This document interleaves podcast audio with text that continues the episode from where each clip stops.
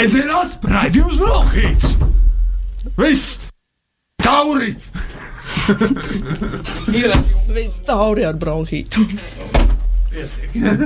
Tāpat tās no manis nekas jēdzīgs nesanāca šodien. Sveiciens visiem sestdienā, šeit literatūras raidījums Bronhīts. Kā jau katru otro sestdienu, kopā ar jums pulksten trijos. Es esmu Marija Līza Meļķe, man blakus ir lieliskā, superīgā, foršā, Ā. nepārspējamā un vienīgā Lotte Vilma Vītiņa. Čau! Un ar mums šodien studijā mīļi gaidīts viesis Ilmārs Šlāpins. Sveiki! Mēs esam tikpat mīļi sagaidījuši Ilmāra jauno dzīslu krājumu. Apsveicu Ilmāru! Paldies! Jā. Kādas sajūtas vai ilgi tika gaidīta šī grāmata? Nu, kā lai to pasakā? Ne droši vien ilgi. Dažādu iemeslu dēļ, gan pati tā rakstīšana, un priekšstats par to, kādam tam krājumam ir jābūt, un tā uzbūve, un dzējoļu kopums vēl mm, kādu laiku tapa. Mm, man liekas, ka es nezinu, kā citiem autoriem, man personīgi nepatīk uh, kaut kādi veci darbi. Cik strauji viņi noveco? Uh, es nezinu, ne, es vienā brīdī es pamanīju, kā autors, kā raksturošais, nu, kā žurnālists drīzāk, kā publicists, es pamanīju to, ka tieši pretēju efektu, ka man, um, kad es Rīgas laikā rakstīju, es nu, pēc kaut kādiem pieciem, septiņiem vai desmit gadiem rakstīšanas ievēroju, ka tie uh, mani rakstu darbi, ko es pamanīju vēlreiz izlasot, kas bija sarakstīti sākumā, ka tie bija ģeniāli un, un skaisti un tīri. Un, un tas, ko es rakstīju pēc tam, un, un uz beigām, un tad, tas, ko es rakstīju tajā brīdī, tas bija visbriesmīgākais teksts. Uh, kaut ko tādu es arī vēl šobrīd pamanu. Es vakar nejauši atradu vienu Rīgas laika sleju, kas bija. Toreiz tika pārpublicēta Delfos, un tur Delfos viņa ir saglabājusies. Kaut kā man izlaica mm, pirms ah, Obamas, pēc Obamas ievēlēšanas tā bija rakstīta. Un tā bija par, nu, par N-vārdu lietošanu un to, kā tagad latviešu žurnālisti ar mokām mēģina aprakstīt, kāds tad īsti pirmais prezidents ir Amerikā ievēlēts, kā, kā viņu nosaukt. Par to valodas jautājumu, un es izlasu to tekstu, un es domāju, oi, cik es biju gudrs toreiz un zināju visādas lietas. Un tagad es tādu nevarētu uzrakstīt nemaz par šo tēmu, un, un to es biju ievērojis. Bet runājot par mm, dzējoļiem, Es domāju, ka tie tomēr noveco. Man patīk ar tiem, tāpēc man patīk dzējoļus pārrakstīt. Uh, un es domāju, ka ar šo krājumu bija tāds, tāds process, ka tur bija daži ļoti veci, seni, uh, iegājuši tajā krājumā dzējoļi. Katru reizi pārlasot, visu laiku pārrakstīju, pārrakstīju, pārrakstīju kaut kādas izlaboju kļūdiņas, pamanīju vietām, tur uh, rindkopas vai. Un rezultātā Uh, tur ir arī pavisam jauni, svaigi tekstiņi, un tāpēc tas krājums man šķiet joprojām nu, mazliet dzīvs. Lai gan arī man šķiet, ka arī tas.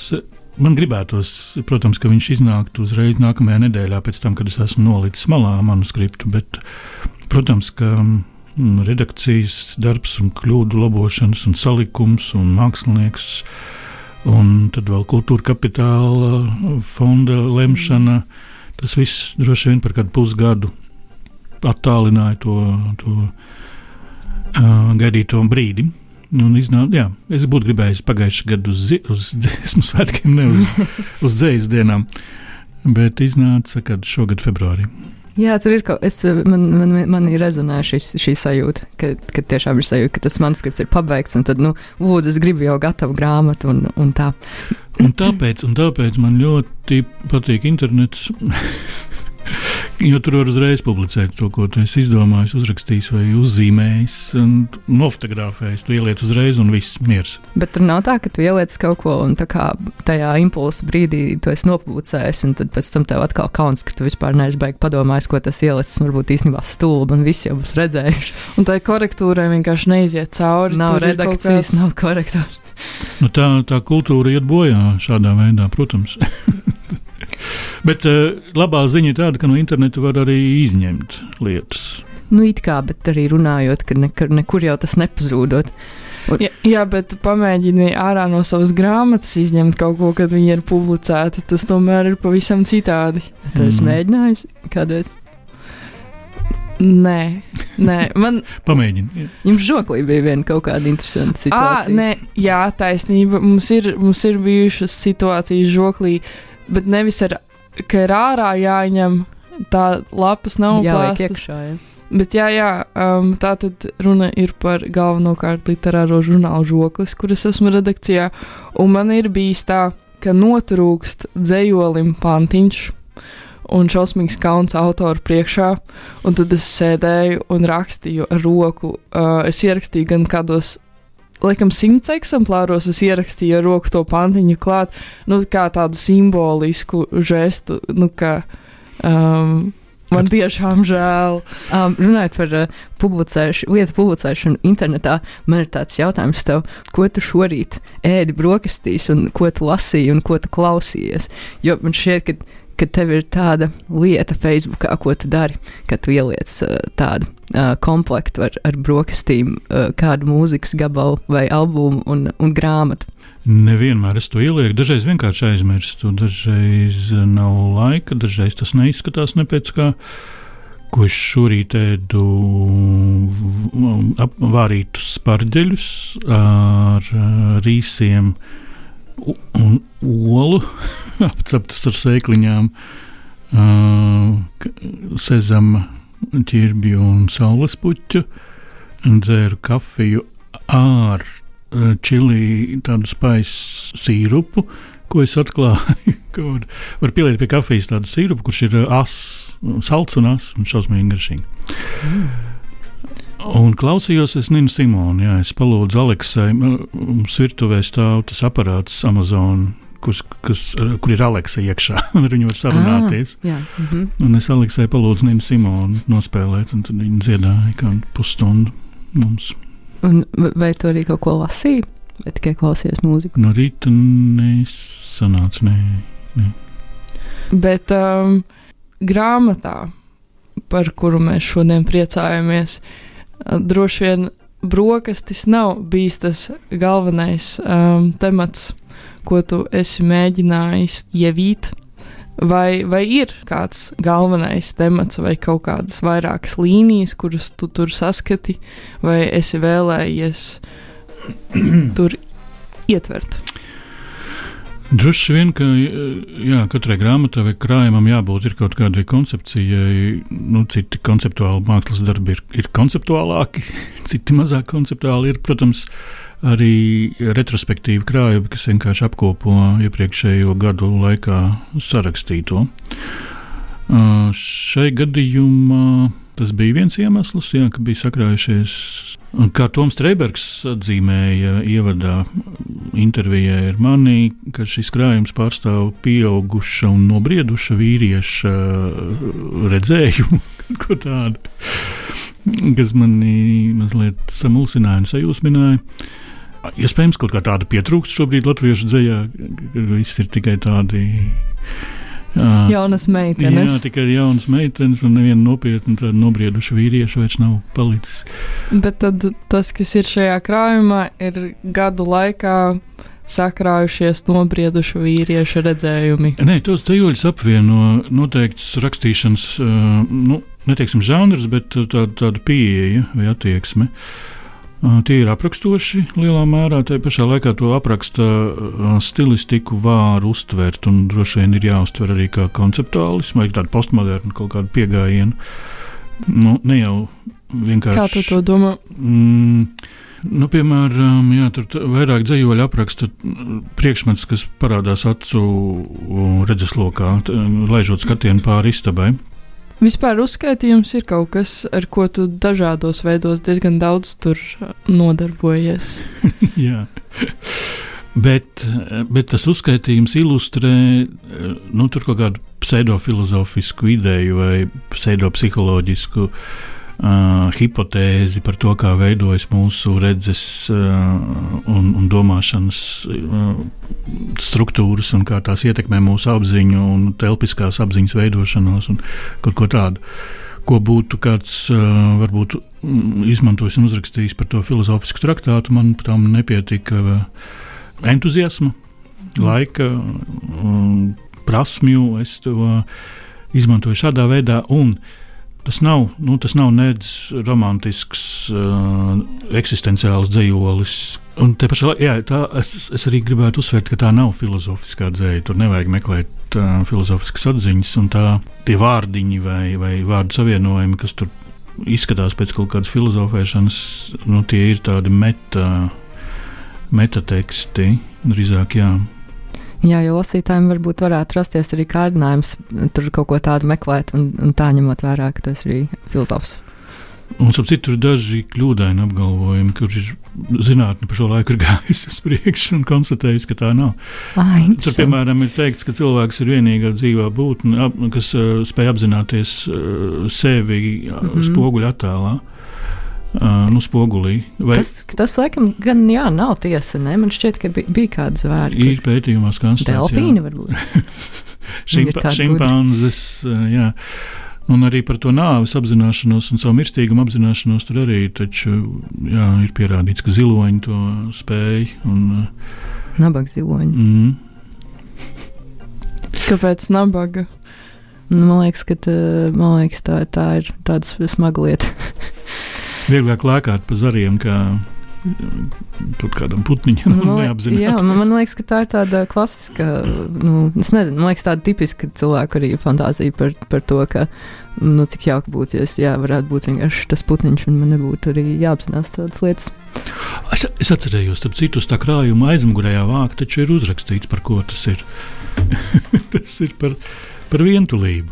Ah, tiešām. Bet, uh, jā, nu, liekas interesanti um, tas uh, krājuma nosaukums, kas ir uh, never. Un Kas tas par jociņu tādu ir? Jo skaidrs, Vai ka mēs visi izlasām to never. Nē, nē, nu, nē, ne uh, visi. Nē, nu, vēl viena lieta, par ko es domāju. Um, kad, uh, kad iep, ja nemaldos, iepriekšējais krājums bija ar nosaukumu Es nemāku komatus, un komats bija ielikts tādā īpatnējā vietā. Un tad man liekas, ka šeit arī ir ir kaut kāda tāda spēlēšanās līdzīga tajā nosaukumā, varbūt ar, ar to, ka nu, viena lieta ir, ir tā, ka. Kad sanāk, autors mums saka, lai mēs nevaram šo grāmatu vaļā, kas jau ir dīvaini, bet arī jā, tās nu, paralēlās nozīmes, kas nu, ir latviešu valodā nevar, un, un, un tomēr lasās arī kā angļu valodā nekad. Jā. Bet varbūt tie ir mūsu jauniešu vienkārši pieredumi kas to tā izlasa. Vai tas tā, tā nebija paredzēts? Nē, es jau teicu, man patīk. Ka, mm, Kaut kādā vienā savā dzēradas posmā es gribēju spēlēties ar, ar tekstiem, kur nu, vienā dzējolī vai vienā pantiņā ir rindiņas angļu un latviešu valodās, vai vēl kaut kāda iepīta trijās valodās rakstīta dzēja. Tas man apnika ātri, eh, lai gan tas ir iespējams. Es domāju, tas diezgan jautri varētu mēģināt kādiem varbūt studentiem uzdot šādus darbiņus, lai patrenējas. to, to dara. Bet uh, man patīk ideja par to, ka vienu vārdu jā, var saprast dažādi. Un, uh, Es ne, nezinu, kādu konkrētu piemēru, vai man nu, latviešu valodā jau ir vārdi ar dažādām nozīmēm, kuras var dažādi uh, saprast, nu, pilnīgi atšķirīgās nozīmēs. Tur zāle, piemēram, vai kaut kas tāds. Ja vēl to vārdu var saprast citā valodā, angļu vai, vai vēl kādā, tad Vērt jau var arī pērlītes uz auklas. Jā, Jā.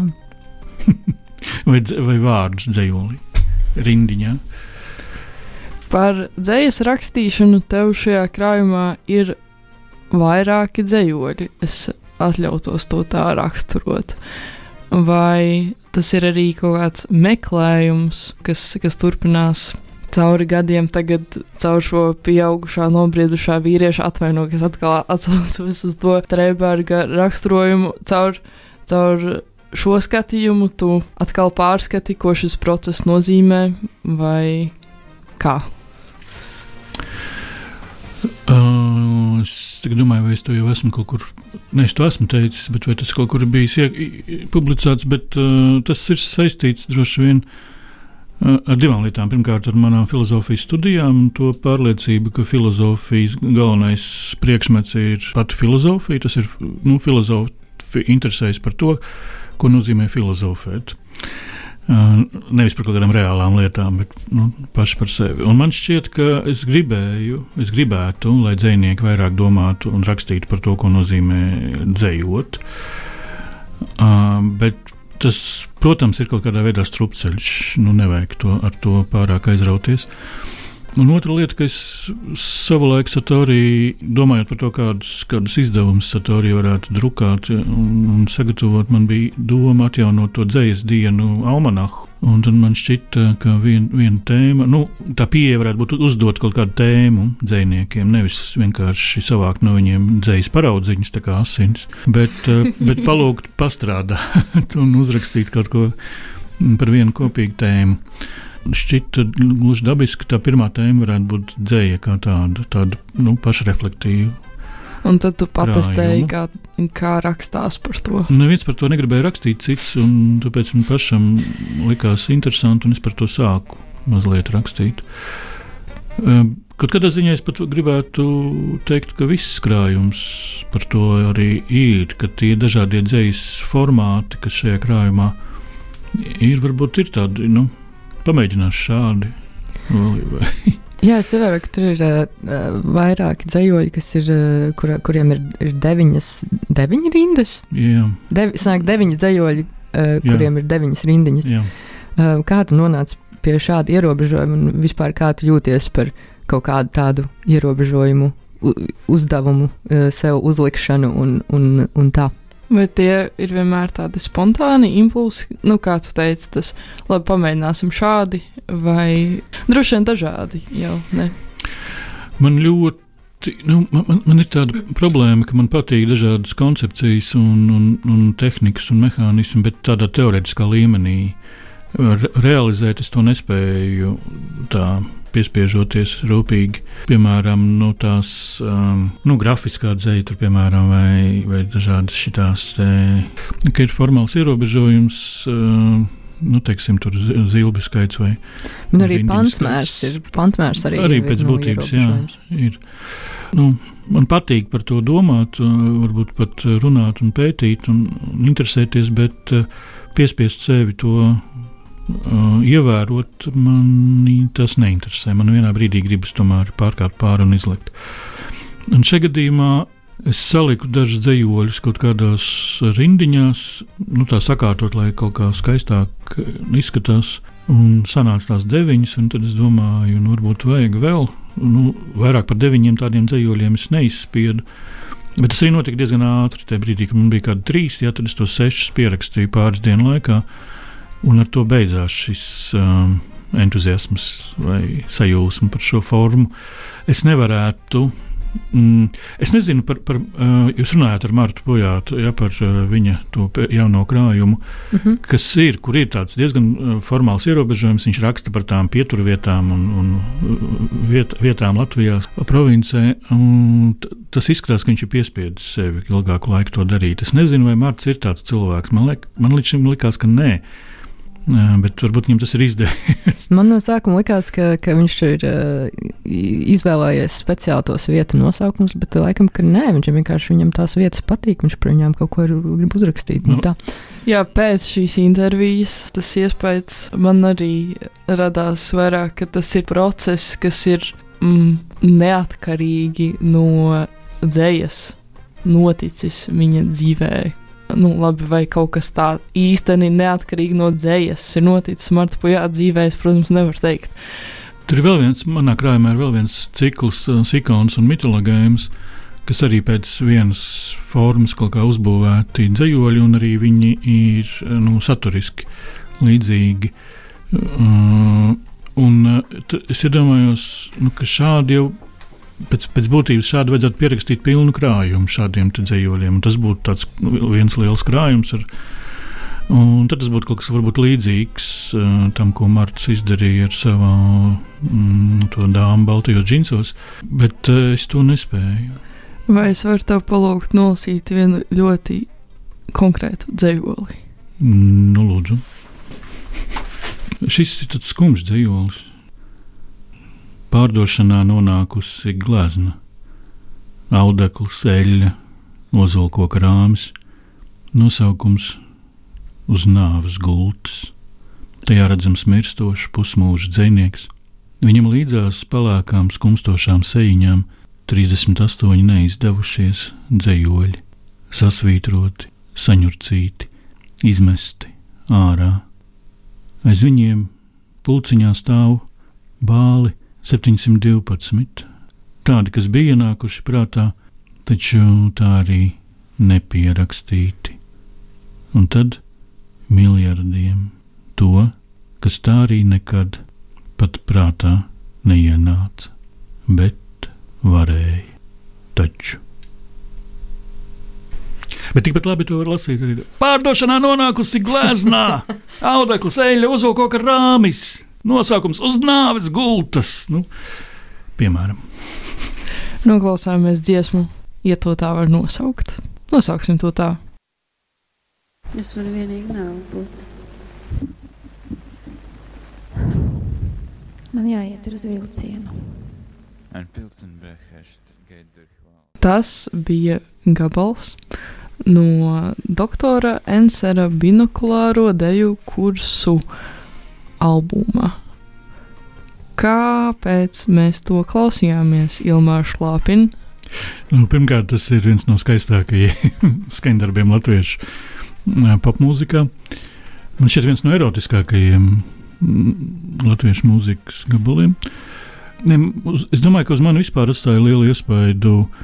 Nu, pirmkārt, NSRD mūzika, 80. gada otrās puses. Uh, Otrakārt, droši vien tie bija Jura Boiko teksti, lai gan še, šajā gadījumā, šajā dziesmā vai šajā skandarbā es nezinu, vai tie ir, vai tos var saukt par viņa dzējoļiem, kas tur ir izmantoti. Tie drīzāk nu, tā droši vien tāda gatavā dzēja, kas ir ņemta no kaut kādiem fragmentiem, no kaut kādas vācu enciklopēdijas par sēnēm vai, vai kaut kā tam līdzīga. Un sarunas, ā, tā čukstēšana, kas ir uz vietas, vienkārši improvizējot, notikusi. Um, man liekas, šis skandarbs uzbūr brīnišķīgu un uh, man personiski ļoti uh, tādu sentimentālu atmosfēru, kas ir saistīta ar piejūras vasarnīcu, uh, nakti un, un tam līdzīgi, un, un kaut kādām sarunām uh, šai vasarnīcā. Un tur ir tāds teksts, tā arī es neaizgāju uz jūru, tā arī aizgāja vilciens. Vilciens neaizgāja, aizgāja jūra. Mm, nu, tā spēlēšanās ar vārdiem, nu, tās ir kaut kāda. Es uh, apzināti to nemēģināju, bet es, es tagad skatoties uz to krājumu un, un domāju, tur ir vairāki dzējoļi. Pirmkārt, par šo vasarnīcu pie jūras, uh, par pie dzelzceļa stacijas, nu, starp jūru un dzelzceļa staciju, un kā tādu mm, ideālo vietu, kur, kur gribas palikt, vai kur gribas atgriezties, vai kur gribētu tos nomirt. Nu, um, vai dzīvot, kas ir viens un tas pats. um, jā, tu, tāpēc es šo dziesmu ir viens un tas pats? dzīvot un nomirt. Mēs nevaram dzīvot, uh, nenomirstot. Un otrādi mēs nevaram nomirt, ja mēs neesam dzīvojuši. Bet gluži viens un tas pats, tas taču nav. Nu, bet tā diezgan cieši saistīta tādā ziņā. Diez vai tas ir tas, kā iepriekš minētie ziloņi arī apzinās nāvi. Hmm. Ilmārs. Atgriežoties pie Ilmāra. Šis konkrētais NSRD gabals ir tevi jauši, nejauši iedvesmojis, tu viņu redzi savos tekstos, vai tu redzi arī līdzīgā veidā citus tekstus. Jā. Es, jā, noteikti ir, ir kaut kādi teksti, arī dzēja, kurus nu, es būtu gribējis uzrakstīt. Vai es būtu gribējis izdarīt kaut ko tādu, kas atstātu tādu pašu efektu kā šie teksti vai šis mākslas darbs. Tā, tāda sajūta man šādu un tādu piemeklē, un to droši vien var dēvēt arī par ietekmēm.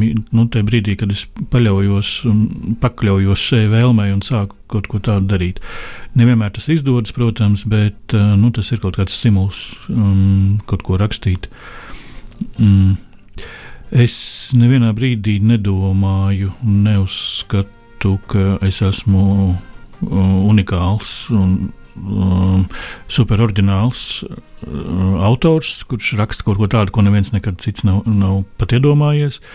Nē, es, protams, tāpat kā li lielākā daļa mūsu, es mēģinu atdarināt. Mm, un es nedomāju, es ceru, ka tas neizklausās pēc kaut kā slikta. jo, Mm, nu tas ir, ir viena no mākslas pirmajām ja, funkcijām, ka tiek atdarināt, atdar, atdarināts tas, kas ir ieraudzīts citur. Bet iespējams arī, tas, ko tu atdarini, nu, var, tas, tas avots jau nav viens, droši vien, ka tas ir tomēr savākts no visā, visādiem avotiem. Un tad, tad tas, nu, tā kā tā kolāža, ko izveidoja, tad ir atkal tā izvēle. Vai kaut kā tāda? Nē, cits vārds tam modernināt ir tulkot, nu, ka es vienkārši paņemu un pārtulkoju citā kaut kādā savā personīgajā valodā. Um, Nu, šajā krājumā es varu ieraudzīt, vai nu, iebakstīt ar pirkstu un pateikt, kuras, kuras vietas ir, uh, kā ietekmē uh, radušās un veidojušās. Tie ir daži, daži krievu modernisti vai postmodernisti pat drīzāk. Uh, Bez šaubām Prigauss, ko es esmu atzīvojis, ir ietekmējis mani. Kaut kādā jocīgā veidā Mamonovs arī ne, negluži ar to saturu, bet ar tādu attieksmi. Mm. Kā tu raksturotu šo attieksmi? Dzīves noguris, noguris sarkasms. Tāds, nevis, nevis tāda sentimentāla žēlošanās par to, cik grūti kāds es esmu viens un neviens mani nemīl, bet ar tādu sarkastisku, vecišķu nu, uh, pieeju. Kā nobriedz vīrietis, nevis, tieši, nevis kaut kāds nepieaudzis vīrietis. Lai gan čingst vienkārši. Man liekas, ka to. apzīmējums nobriedz vīrietis pret, pret uh, Mamonu grūti attiecināms, uh, ka līdz pat savai nāvei viņš bija diezgan traks uh, pusaulis joprojām. Vai tu joko? Dzējā? Jā. Noteikti, jā, jā. Nevienmēr tas, tas ir smieklīgi, bet es gribētu uzstāt uz, uz to, ka jokam nevienmēr jābūt smieklīgam, un tā nebūtu nav joka funkcija būt smieklīgam. Un mani mazliet biedē, es esmu lasījis uh, kaut kur vai dzirdējis tādu vērtējumu, ka uh, šajā krājumā tur var tik daudz ko atrast uh, sev, nu, kā savus. Lasītājs tur atrod savus kaut kādas domas un identificējas ar to. Lirisko varoni, kas tur runā. Un tas mani mazliet mulsina, jo es, man neprātā, nu, es, es nespēju iedomāties, ko tas lasītājs tur tādu ierauga, kaut ko pilnīgi citu. Bet kā autoram, publicētam autoram, bez šaubām tas ir patīkami dzirdēt. Tas nozīmē, ka neatkarīgi no tā, vai man ir izdevies izdarīt to, ko es esmu vēlējies izdarīt ar šo krājumu, Neatkarīgi no tā, tas krājums vienalga darbojas. Nu, jā, tas jau tur, nu, tu, tu to kontrolē tikmēr, kamēr tu to raksti, un pēc tam jau viss, kā, viss notiek tālāk bez, te, bez tevis savā ziņā, man liekas. Nē, nu kā es jau staigā, es staigāju uz intervijām un paskaidroju, ko es, es, es varu iet līdzi katrai, katrai grāmatai un aiz muguras stāvēt lasītājiem un teikt, nē, šajā vietā jālasa tā. Tev vajadzētu klonēt sevi, man šķiet. Uh, vēl vienā tavā dzējolī bija tāda, tāda rinda. Uh, trūkst kā tāda, ko tiešām būtu vērts pateikt. Tas arī bija dzējols par, par dzējoļu rakstīšanu, man liekas, un par dzējniekiem. Un es domāju, nu, tā sajūta ir, ir pazīstama, bet, bet tev nav īstenībā pazīstama tā sajūta, tāpēc, ka viņa ir domāta tieši noteiktā veidā, kā Ilmārs piedzīvo šo te. Pagaidiet, es tūlīt aizmirsīšu, kā es gribēju pabeigt šo jautājumu. Um, Nē, jautājums tā tad uh, ir, kā, kā var zināt, ka tas, ko tu gribi pateikt, ir, ir, ir, uh, ir tiešām vērts, lai to pateiktu? Vai, vai kā var zināt, kas, kas tas ir, kur, ko ir vērts pateikt? Kaut kādā veidā, ne, protams, ka šis te, um, teikums kopā ar iepriekšējo to rindiņu. Uh, tas viss ir tāds tā kā kalambūrs, nu, ka ir bieži nu, netrūkst ko teikt, bet uh, trūkst kā tādu, ko patiešām būtu vērts pateikt. Uh, to var uztvert kā tādu kalambūru, kurš ir izveidojies vienkārši no valodas konstrukcijas formas. Tajā brīdī, kad tas ir izveidojies, un es esmu ieraudzījis uz datora ekrāna vai papīra, es pēkšņi sāku domāt, ko tas nozīmē. Vai būtu adekvāti teikt, ka bieži vien tas nav ne tavs uzskats, ko tu paudi tekstā, ne pat īsti tāda izveidota liriskā es uzskats, bet um, valodiska iespēja, kura vienkārši atklājas un tu ļauj tai notikt. Hmm. Jā.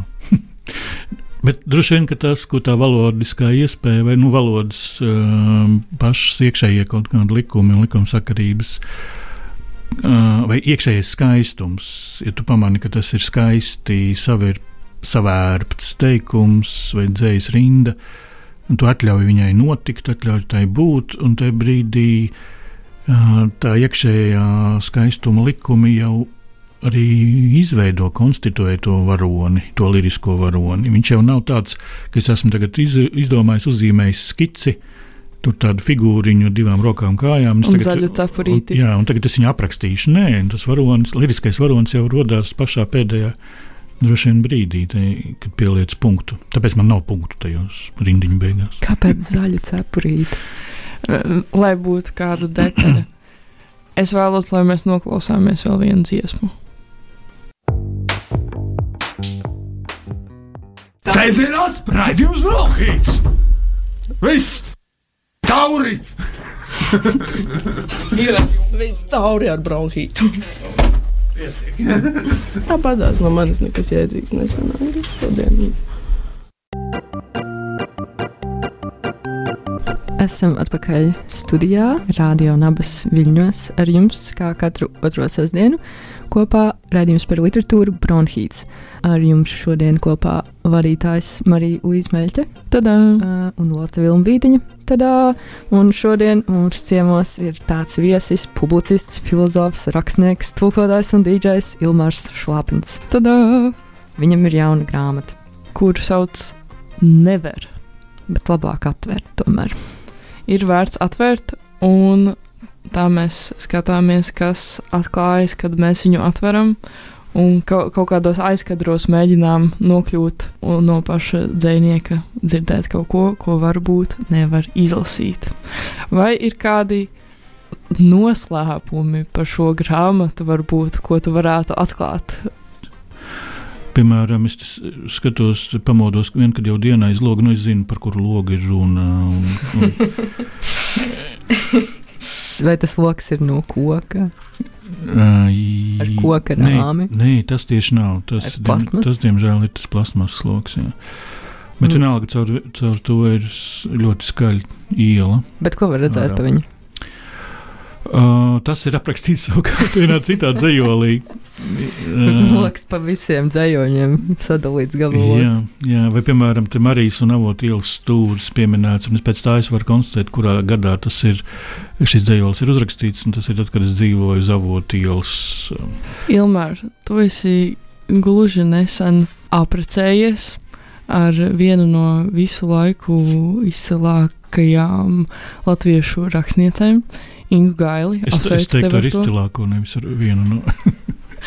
Nu, Protams, kā gan citādi. Ta, viņai ir saudabīgs veltījums ierakstīts šajā grāmatā ar mīlestību un derdzību. Varbūt tu Mhm. vari atklāt, kā tu izvēlējies tieši šādu bantīti. Tādu Selingeru bandīti. Es, es gribētu stāstīt, ka es nevarēju izvēlēties, kuru no tiem vārdiem atstāt, un tāpēc atstāju abus.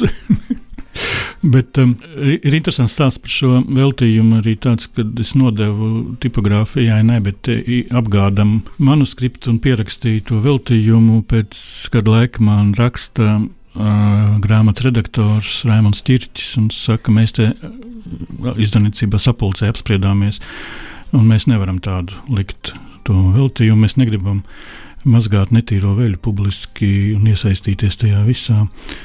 Un es saku, kas viņam raksta pretī, kādu veļu tas ir Selingera citāts. Viņš saka, ko no kurienes? vai, vai no uzkrājas rudu laukā? Es saku, nē, no deviņiem stāstiem. Tas ir viena stāsta nosaukums. Mm. Šim vārdu savienojumam ir, ir uh, pamatīga liter, literāra vēsture. Un jau pēc tam, kad krājums, tomēr es pierunāju um, redaktoru atstāt šo te tekstu, un teicu, ka tas ir saskaņots ar uh, Ingu Gailu. Saskaņots ar Selingeru.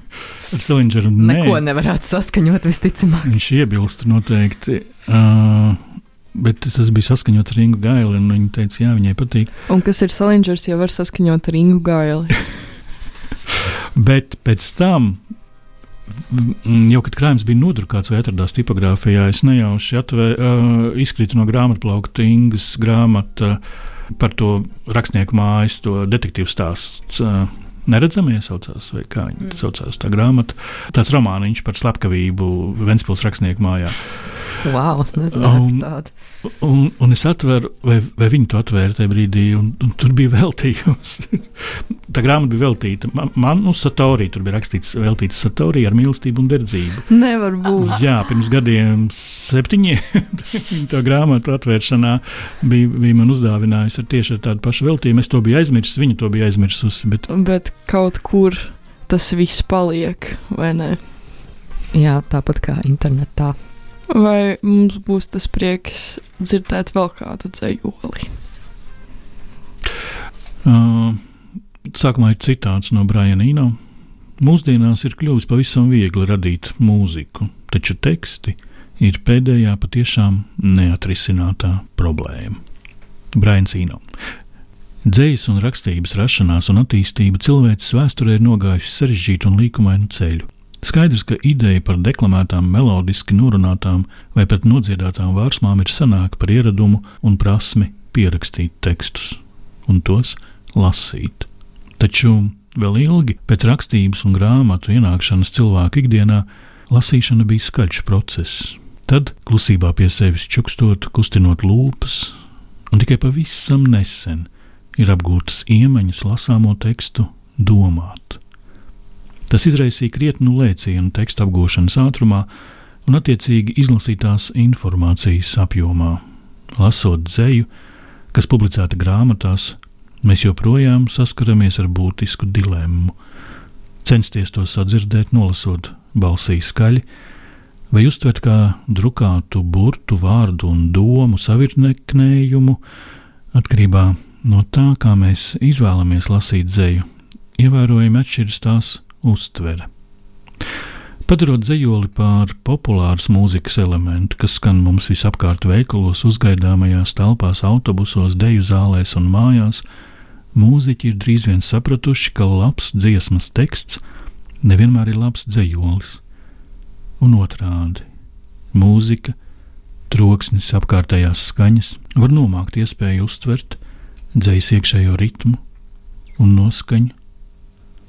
Ja gribam būt godīgi, jāatzīst arī tas, ka cita lasītu dzēju reizēm vispār nav iespējams uztvert, kur nu vēl saprast. Sveša balss iemidzina un liedz uztvert vārdus, bet lasīšanas temps, intonācija, akcenti var neatbilst tam, kā to būtu lasījuši mēs, ja būtu lasījuši. Par citu dzējoļu klausīšanos. Kā tu jūties, kā tu izjūti um, pašreizējo um, Latvijas literatūras ainavu? Um, tu jūties kā daļa no tā, vai tas ir vairāk tā, ka tu vienkārši raksti, un tad varbūt kādreiz būs grāmata, un tad viņa ir, un tad tu atgriezies pie darbiem viens pats kaut kā, vai, vai tu jūties tā, ka tu esi daļa no kaut kāda veseluma. Hmm. Hmm, hmm, hmm, hmm. Es noteikti biju daļa no veseluma, kā redaktors, kurš daudzu dzinieku dzēju vērtēja, lasīja, izvēlējās, ieteica kaut ko rediģēja. Uh, agrāk, uh, lai gan jā, es vēl pavisam nesen biju redaktors uh, Aivara Eipura krājumam un uh, Andra Ogriņa dzējoļu krājumam.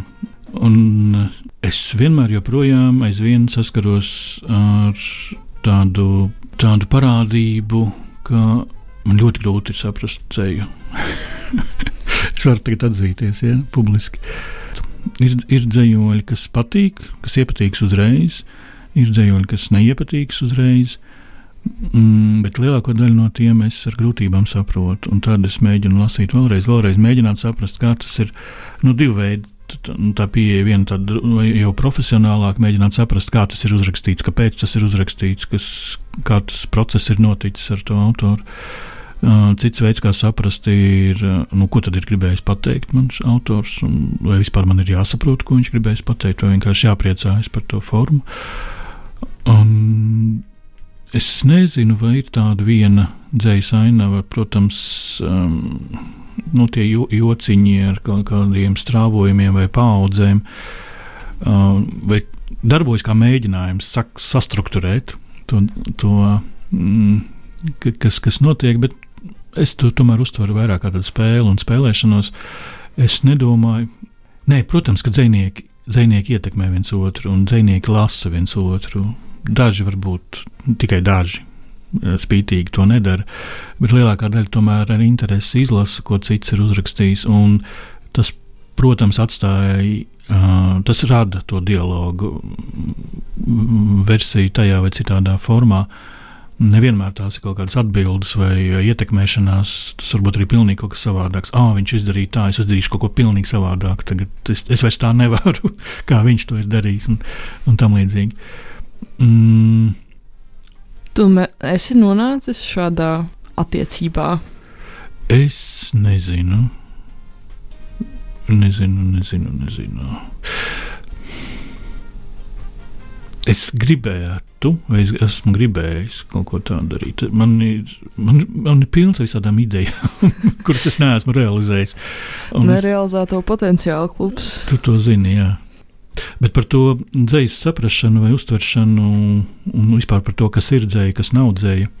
Jā, es, es saskāros ar diviem tādiem uh, faktiski atzītiem dzīsniekiem vai, vai krājumiem, kur neviens nenoliedz, ka tā, tā ir lieliski. Nē, daudz, daudz pat saka, ka tie ir vispār izcili un labākais, kas, kas mums ir, bet kurus es nespēju saprast, kāpēc tas ir uzrakstīts. Un varbūt man tas nav jāsaprot, bez šaubām. Kāpēc tādā emocionālā priekškam izteiksmē vai um, vienkārši kā kādies cilvēks nonāca līdz tam?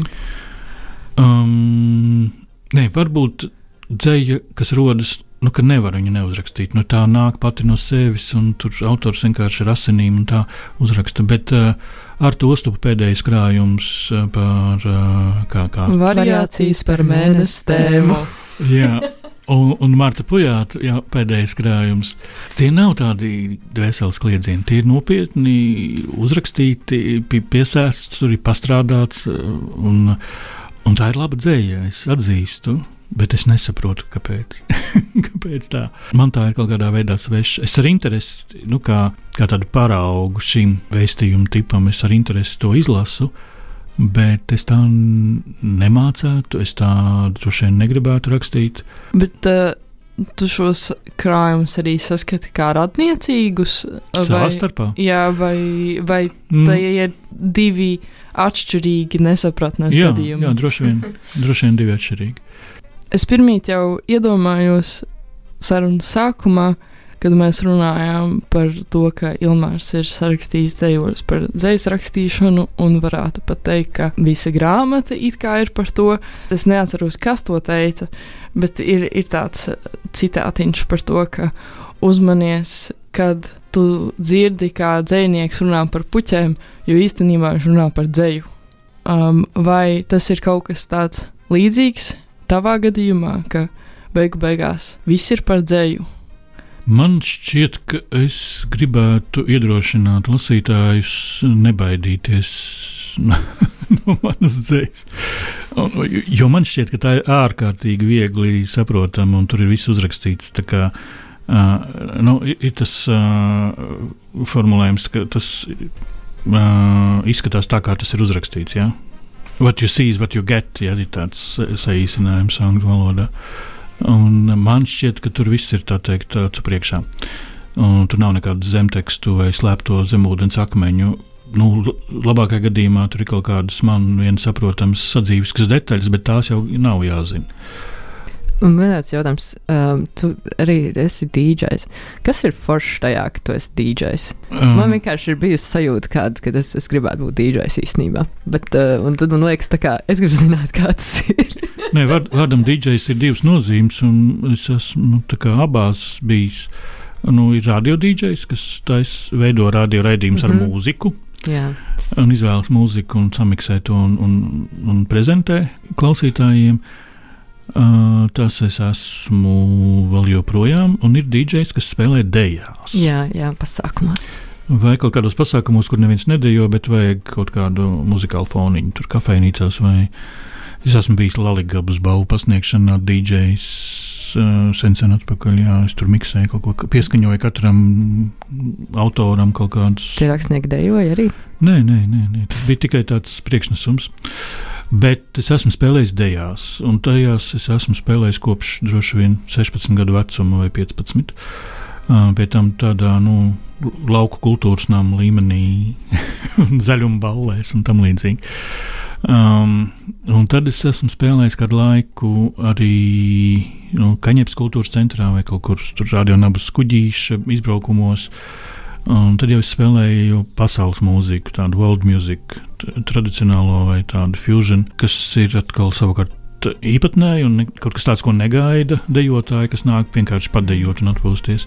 Bet man patīk vērot, ka tas viņus aizrauja, kad viņi izdzird kaut kādus arābu ritmus, vai indiešu, vai latīņu amerikāņu, un metās dejot, un kā nu katrs prot tur. Un, nu, ir, ir, ir ko paspēlēties, parotaļāties ar šādu mūziku, deju placī, un tā arī ir aizraujoša. Nu, viņa spēja aizkustināt cilvēkus. Um, es labprāt gribētu, lai mani aicina kaut kur vēl biežāk uzspēlēt šādas dejas. Es varu izmantot radio. Lūdzu. Izmanto šo Lai, iespēju. lai man aicina, man ir milzīgs, milzīga fonotēka ar šādu mūziku. Kompaktdiska formātā, bet nu, tas ir tāds formāts, ko es zinu, retāk kaut kur uh, izmanto reāli. Vismaz ne matricēs. Mm, nē, re, īstajos, īstajos kompaktdiskos.